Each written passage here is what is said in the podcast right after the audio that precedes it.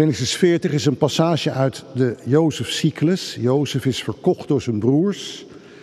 Hij is slaaf geweest in het huis van Potifar. Hij is niet ingegaan op de avances van Potifars echtgenoten en komt daardoor in de gevangenis terecht. Ik lees het laatste gedeelte van 39 en hoofdstuk 40. Zo kwam Jozef in de gevangenis terecht.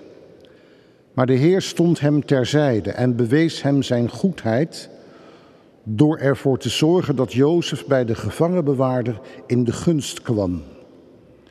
Jozef kreeg de leiding over alle gevangenen en hij hield toezicht op het werk dat ze deden. De gevangenbewaarder had geen omkijken naar wat aan Jozef was toevertrouwd, omdat de Heer hem terzijde stond en alles wat Jozef ter hand nam voorspoedig liet verlopen. Enige tijd later maakten de opperschenker en de opperbakker van de koning van Egypte zich schuldig aan een vergrijp tegen hun heer. De farao was woedend op deze twee hovelingen en liet hen in bewaring stellen in de gevangenis van de commandant van de lijfwacht. De gevangenis waarin ook Jozef zat. De commandant droeg Jozef op hen te bedienen. De schenker en de bakker van de koning hadden al geruime tijd in de hechtenis gezeten toen ze allebei in dezelfde nacht een droom kregen, ieder een droom met een eigen betekenis.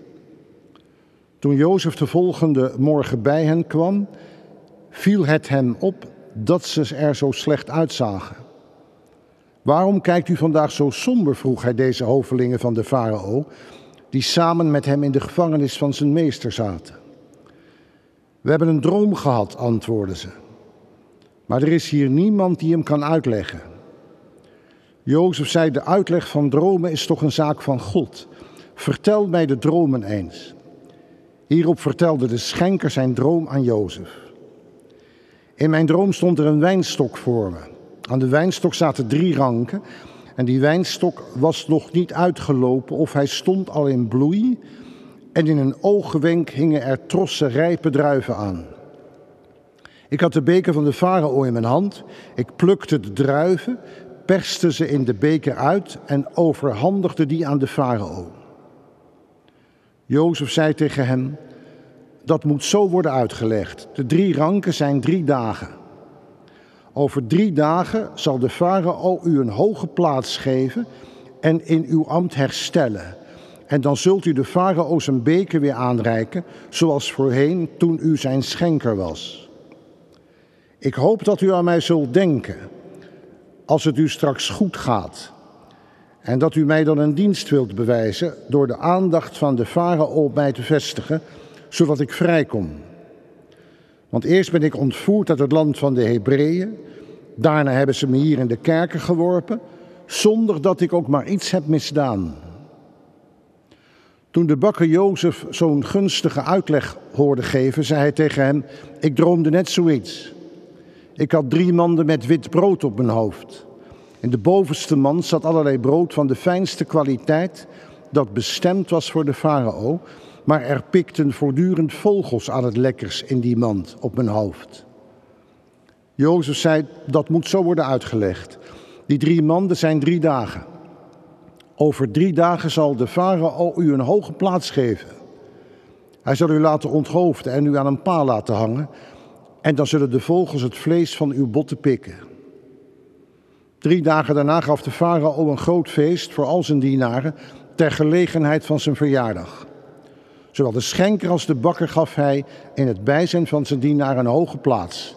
De schenker herstelde hij in zijn ambt, zodat deze hem de beker weer mocht aanreiken maar de bakker liet hij ophangen, precies zoals Jozef had uitgelegd. De schenker dacht echter niet meer aan Jozef. Hij vergat hem. Tot zover de lezing uit het woord van God. Zalig bent u, ben jij, als je het woord van God hoort en daaruit in vertrouwen leeft. Gemeente van Christus.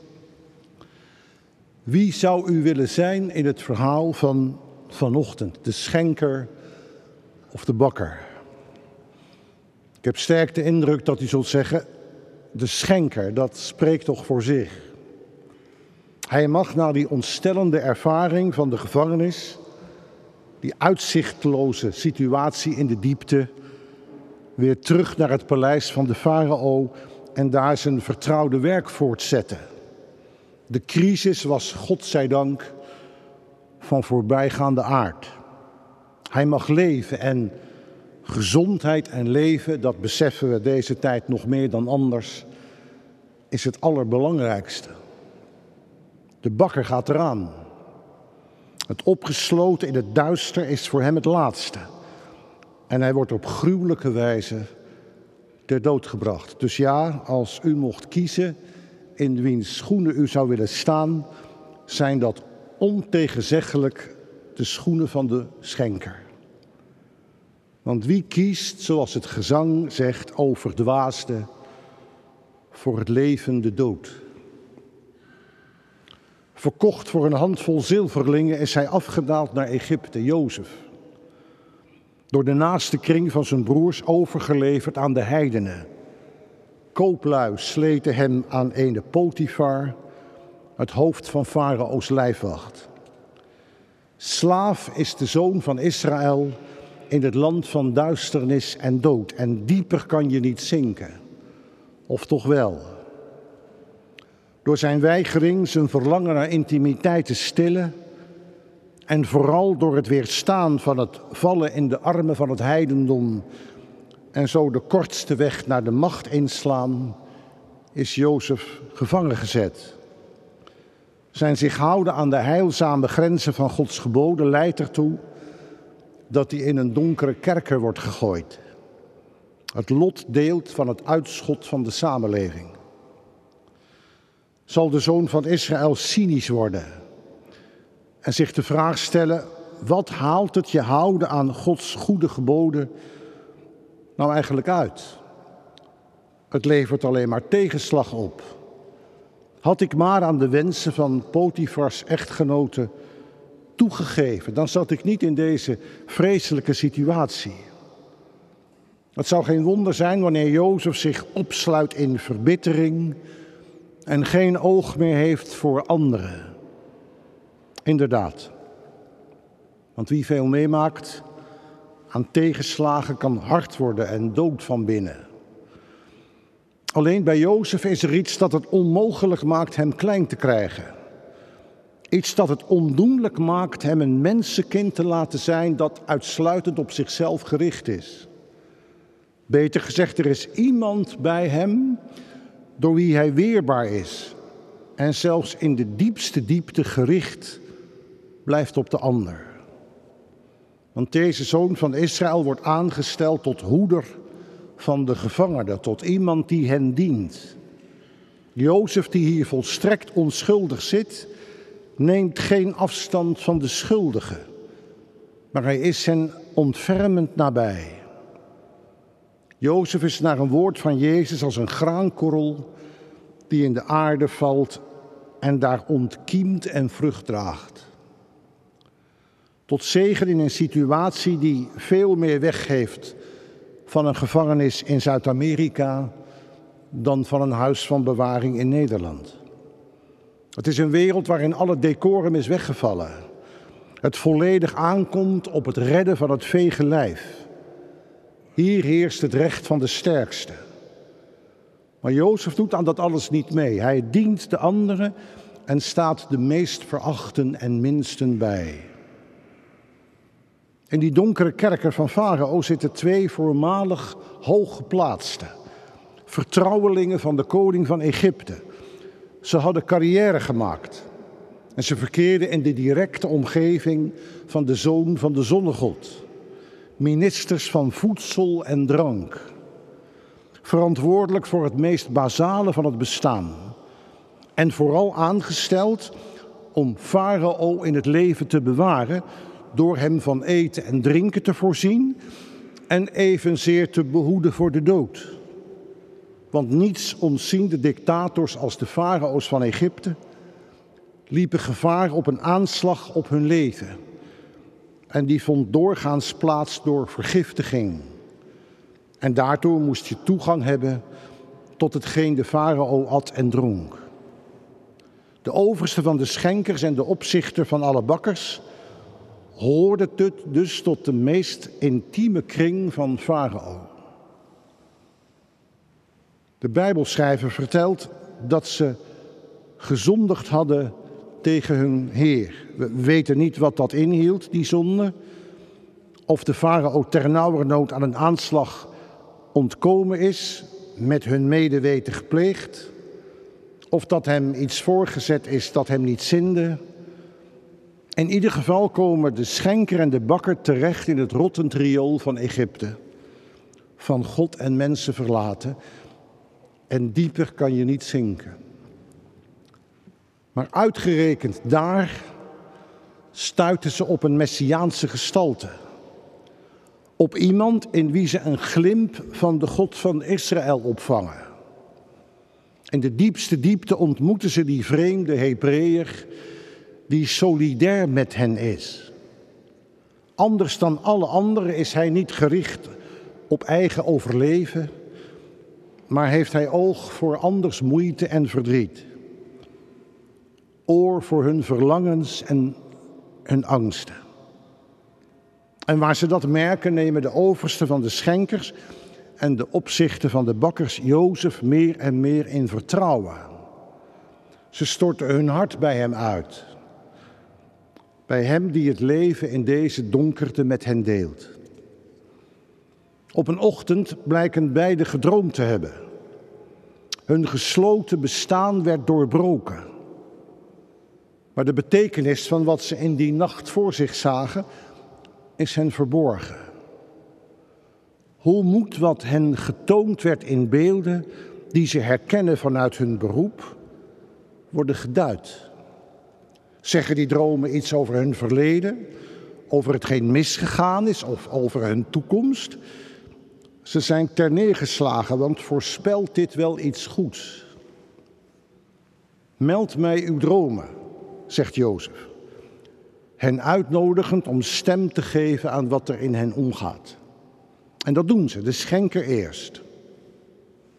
In mijn droom, zo geeft hij te kennen, zag ik een wijnstok met drie ranken vormen. En de ranken liepen uit. En de bloesem was te zien en vooral grote, trossen, rijpe druiven. En in mijn hand zag ik de beker van de farao en ik perste de druiven uit en liet het sap vloeien in de beker van de koning, die ik hem vervolgens aanreikte. Als Jozef de droom van de schenker vernomen heeft, dan legt hij deze meteen uit.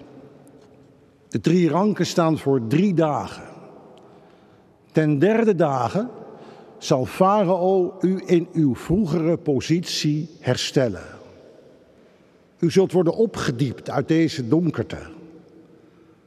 En als wat ik u voorzeg u ten deel gevallen is, gedenk mij wanneer het u goed gaat. Blijf dan trouw aan mij, opdat ik ook uit deze diepte aan het licht zal komen. Want ik ben ontvoerd uit het land van de Hebreeën. En ik zit hier onschuldig. Dus ik vraag u met klem, gedenk mij. De overste van de bakkers heeft de uitleg van de eerste van de schenkers gehoord en hij ontleent daar moed aan. Dit is hoopgevend. Hij had immers eenzelfde soort droom. Drie manden met wit brood waren op mijn hoofd. En in de bovenste mand zat allerlei goed voedsel voor de farao. Het werk van een bakker, voegt hij er trots aan toe. En de vogels aten uit de bovenste mand. Ook deze droom legt Jozef uit. Ten derde dagen, want in de Bijbel is de derde dag altijd het moment van de wending, van een keerpunt, zal het hoofd van de overste van de bakkers ook verhoogd worden. Alleen totaal anders dan dat van de schenker. Hij zal verhoogd worden aan een paal. En de roofvogels zullen hem opeten. Het valt op dat in de grondtekst verwante woorden worden gebruikt. beider hoofd zal worden verhoogd. Bij de bakker is er echter de toevoeging van je af. Je kop zal rollen. Jij wordt niet in je oude positie hersteld. In de diepste diepte is Jozef gestalte van oordeel en genade. Genade voor de schenker, oordeel voor de bakker. Waarom mag de schenker eigenlijk leven en gaat de bakker de dood tegemoet? Ik zal u niet te veel vermoeien met de verklaringen die hiervoor zijn gegeven. Spitsvondig als ze soms ook zijn. De bakker, zo las ik ergens, heeft boter op zijn hoofd. Hij is terecht beschuldigd van verraad. Of de schenker staat aan het begin van het proces en de bakker aan het eind. Het graan is geoogst, gedorst, vermalen en gebakken. En daarom is het leven van de bakker ten einde. De schenker schenkt ruimhartig van hetgeen hij ontvangt. De bakker kneedt naar zich toe en zegt bovendien hoogmoedig bakkerswerk. Bovendien wordt er geen zorg besteed aan het brood. Het wordt niet bedekt en beschermd tegen de vogels. Kortom, de bakker staat voor een andere knedende figuur die roekeloos omgaat met hetgeen hem geschonken is. En die alleen hoogmoedig oog heeft voor zichzelf. Heel anders dan de royale schenker. Ooit legde de vader van de schrijver Jan de Hartog, hij was hoogleraar theologie en preekte in Amsterdam over dit verhaal. Ooit legde hij de geschiedenis zo uit. En omslachtig gaf hij woorden aan de ruimhartigheid van de schenker en de heerzucht van de bakker. Om zijn preek te eindigen met de luid uitgesproken bede: O God, hang alle bakkers op. Hetgeen de kerkraad van Amsterdam op heel veel boze brieven van Amsterdamse bakkers kwam te staan. Ik moet u zeggen dat ik met al die spitsvondige verklaringen eigenlijk niet zoveel kan. Ik geloof er niet zoveel van dat de schenker niet schuldig was en de bakker wel. En dat dat zou blijken uit hun dromen. Nee, beide krijgen te maken met een volstrekt willekeurige, niets ontziende despoot. En om maar enige mate te suggereren dat ze in Farao met God te maken krijgen, lijkt me godslasterlijk. Het is iets anders. Jozef, die in de diepste diepte solidair is met de mensen en oor en oog heeft voor de verachte, een en al aandacht voor ter neergeslagenen, is gestalte van het oordeel in de gevangenis. Hij geeft stemmen wat er gebeuren zal met de bakker en met de schenker. Deze zoon van Israël is zegsman van de genade voor de schenker en oordeel over de bakker. Want zoals Jozef zegt, zal het gebeuren. De schenker zal hersteld in zijn vroegere positie het leven voortzetten. De bakker zal de dood sterven. Reden waarom wij zonder enige aarzeling ervoor zouden kiezen om in de schoenen van de schenker te staan. Alleen, op het eerste gezicht oppervlakkig gelezen, geeft Jozef woorden aan het vonnis dat de farao zal vellen, waardoor het de schenker goed afgaat en de bakker niet. Want de schenker wordt hersteld in zijn oude positie. Alleen, hij keert terug naar een hof waar volstrekte willekeur heerst. Waar je zomaar uit de gratie kan vallen en waar je je daarom beter op de vlakte kunt houden. Waar je het beste kunt trappen naar beneden en likken naar boven. Hij keert terug naar een wereld waarin slechts één belang heerst en dat is het eigen belang. Naar die wereld keert de schenker terug, opgediept uit de diepte en dat ten derde dagen. wanneer de vorst van Egypte zijn verjaardag viert. Van twee mensen in de Bijbel wordt overigens gezegd dat ze hun verjaardag vieren. De farao van Egypte en koning Herodes reden voor Jehovah's getuigen om van het vieren van je verjaardag af te zien. Gedenk mij, heeft Jozef de schenker met klem gevraagd. En gedenken, dat is niet even iemand in gedachten hebben. Gedenken is avondmaalstaal. Gedenken is vol zijn van. Gedenk de rustdag, zegt het goede gebod. Dat betekent niet, denk er even aan dat je je werk op die dag mag onderbreken.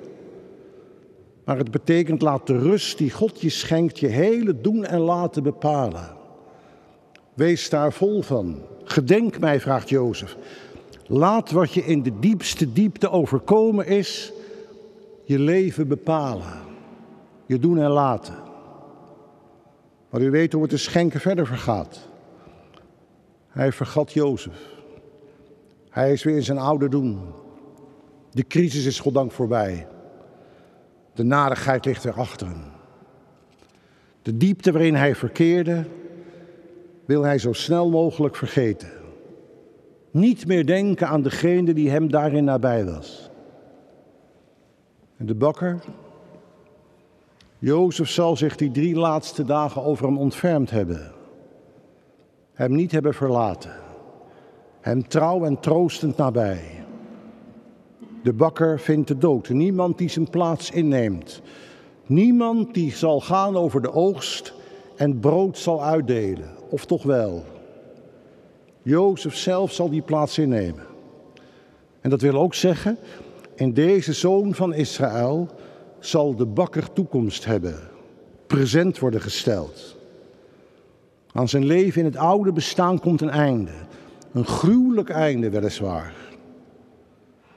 Maar dat aan dat oude bestaan een einde komt, of dat alleen maar erg is, het is ten diepste genade wanneer een leven van eigen belang, een leven in een context als die van het Hof van Egypte is begrensd en je daaraan moet sterven. Genade als je in Jozef, in Jezus mag opstaan en present gesteld wordt in Gods toekomst. Het zou best eens kunnen zijn dat de bakkergestalte is van de genade, van de genade van het oordeel. Het afgekapt worden van een leven waarin alleen jouw belang geldt. Een leven waarin je moet zwijgen over degene die je in de diepte nabij was, want dat kan je je kop kosten. Dat vergeten doet de schenker.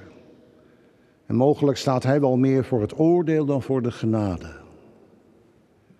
In veel preken wordt Jezus terecht getekend als de complete tegenhanger van de schenker. Wanneer een moordenaar op hem een beroep doet en bidt: Gedenk mij als u in uw koninkrijk zult binnengaan, dan vergeet Jezus die misdadiger die naast hem hing niet. En veel preken over dit Bijbelverhaal eindigen dan ook met de troostende verzekering dat er in de hemel iemand is die ons nooit vergeet, maar ons gedenkt. Hij die ons in de diepste diepte nabij was, diept ons op uit de donkerste duisternis. En ik zou, hoewel dat intens troostende volledig waar is, daarmee evenwel niet willen eindigen. Maar aan het eind van deze preek willen terugkomen op het begin, op de vraag, als u mocht kiezen, in wiens schoenen zou u willen staan? Die van de schenker of van de bakker? De bakker weet zich in de diepste diepte verzekerd van de nabijheid van de zoon van Israël. Hij deelt in het lot van de lijdende bij uitstek. Zijn oude bestaan wordt afgekapt. Hij wordt pijnlijk begenadigd. En hij mag delen in de zoon van Israël bij uitstek, die dit mensenkind in Gods toekomst present stelt. De schenker, in de diepste diepte was de zoon van Israël met hem, deelde zijn lot, diende hem met alles wat in hem was. Alleen dat die zoon van Israël daar was, was aardig, maar niet zo van belang dat de schenker Jozef gedacht. Hij vergat hem. En of dat echt leven is, kun je betwijfelen. Willen we de schenker zijn? Iemand die het leven leeft zonder de zoon van Israël bij uitstek. Jezus Christus. Iemand die om zich te handhaven Jezus beter kan vergeten. Iemand die, ondanks misschien vrome woorden, Jezus Christus nauwelijks of geen rol laat spelen in zijn of haar bestaan. Als we een leven leven waaruit op geen enkele manier blijkt dat we in de diepste, zijn, in de diepste diepte zijn opgezocht en we daarvoor kiezen, dan is het de vraag of wij als verdwaasden wel echt voor de dood het leven kozen. Amen.